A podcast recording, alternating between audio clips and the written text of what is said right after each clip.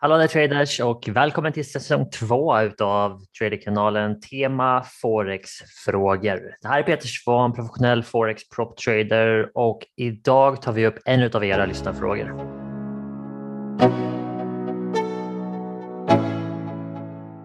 Sådär, hallå där traders och välkomna till ett nytt avsnitt här på Traderkanalen.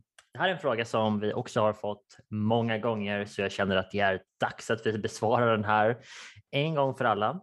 Och jag tror att många av er kommer att kunna gissa er fram till svaret på den här frågan redan innan vi faktiskt ger det. Men låt oss gå på. Så den här frågan inskickad av en person förra veckan men ställd av väldigt många genom åren. Det är allt egentligen om forex-robotar, Eh, signaler, social trading, copy trading, all typ av algoritmisk handel eller när du får en signal ifrån någon och sen ska sätta in den traden på ditt, allting sånt där. Okej, okay? så det är det som vi summerar upp med avsnitt 12 forex-robotar och signaler. Så frågan i grunden är, ska man använda dem? Okej? Okay? Och här kommer först och främst det korta svaret och sen så elaborerar vi lite på det. Men det korta svaret är testa dem väldigt väl först. Och parentesen på det är om du ska göra det här. Så vi lär ut till traders hur man bygger en plan och handlar på egen hand. Men det finns situationer, eller åtminstone för vissa, där man kanske söker en annan typ av hjälp, där man inte har ett mål att handla på egen hand eller har ens en tanke på att göra det, utan man vill ha signaler eller kopiera någon annan och dra nytta av det. Och det enda jag kan säga är om du ska göra det, testa det väldigt väl först och var väldigt noggrann med vad du faktiskt riskerar på den typen av handel. För kom ihåg, oavsett om du köper en robot någonstans som ska fungera, du sätter in den på ditt konto, så är det fortfarande du som är ansvarig för dina resultat. Du kan inte skylla på de som har byggt din eh, robot, även om den ser ut att ha fungerat historiskt sett och sen helt plötsligt inte funkar för dig. Så därför, om du går den här vägen, oavsett om det är med en robot eller någon form av signal, testa dem väldigt noggrant först och börja inte med att ni vet, sätta in allt ni har på det här utan var väldigt, väldigt passiv med de här och förstå riskerna i det som ni gör. Det är, det är mitt första svar när det gäller forex-robotar och eh, signaler. Så först och främst, vet, marknaden för robotar och signaler är massiv. Det finns stora nätverk såsom eToro, det finns C-trader, Eh, copy, det finns Sulutrade, det finns hur många som helst där man kan antingen gå in och köpa en robot. Finns även i MQL, MetaTrader-plattformen, de har en egen eh, plattform där man kan köpa signaler och robotar och algoritmer. Så den marknaden är massiv. Och precis som i allt annat, inte bara i tradingbranschen, men bokstavligen vilken bransch som helst, så finns det en hel del som inte är speciellt bra. Och så finns det säkert ett par guldkorn som verkligen fungerar. Och det är alltid svårt att sålla i de här sakerna och det är därför som jag säger att när man testar sig fram här, om du väljer den här vägen, var väldigt passiv. Okay?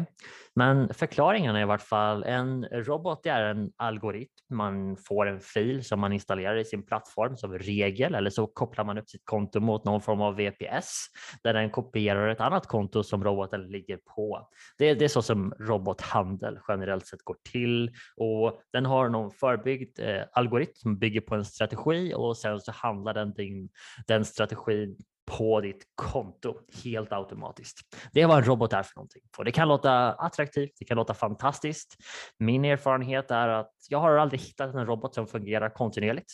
Eh, jag har hittat sådana som fungerar temporärt i väldigt specifika marknadsklimat, men det som vi vet är att marknaden är väldigt inkonsekvent och det är därför det är svårt att hitta en färdigskriven algo som säkert har funkat en stund, men den fungerar inte sen för att marknaden har förändrats till exempel. Jag säger inte att det är så med alla, men det är min personliga erfarenhet av robotar. När det gäller signaler så är det antingen oftast i form av copy trading där man har sitt eget konto, man connectar det med en signalprovider eh, och sen så öppnas och stängs affärer automatiskt mellan kontona. Och det är det som sker på de här stora nätverken som vi nämnde förut som eToro, Zulu Trade, C-Trader etc. Det finns hur många som helst av dem och bokstavligen tusentals signaler som man kan följa där och det som, det som är bra med den typen av signaler är att man kan oftast kontrollera risken på ett annat sätt genom inställningar. Så du kan ställa in vilken risk som du är bekväm med etc. Vissa tillåter att man kan testa med ett demokonto först och sådana saker. Så de sakerna är positiva. Men samma sak där, eller hur? Var väldigt, väldigt passiv med vad du gör för någonting där.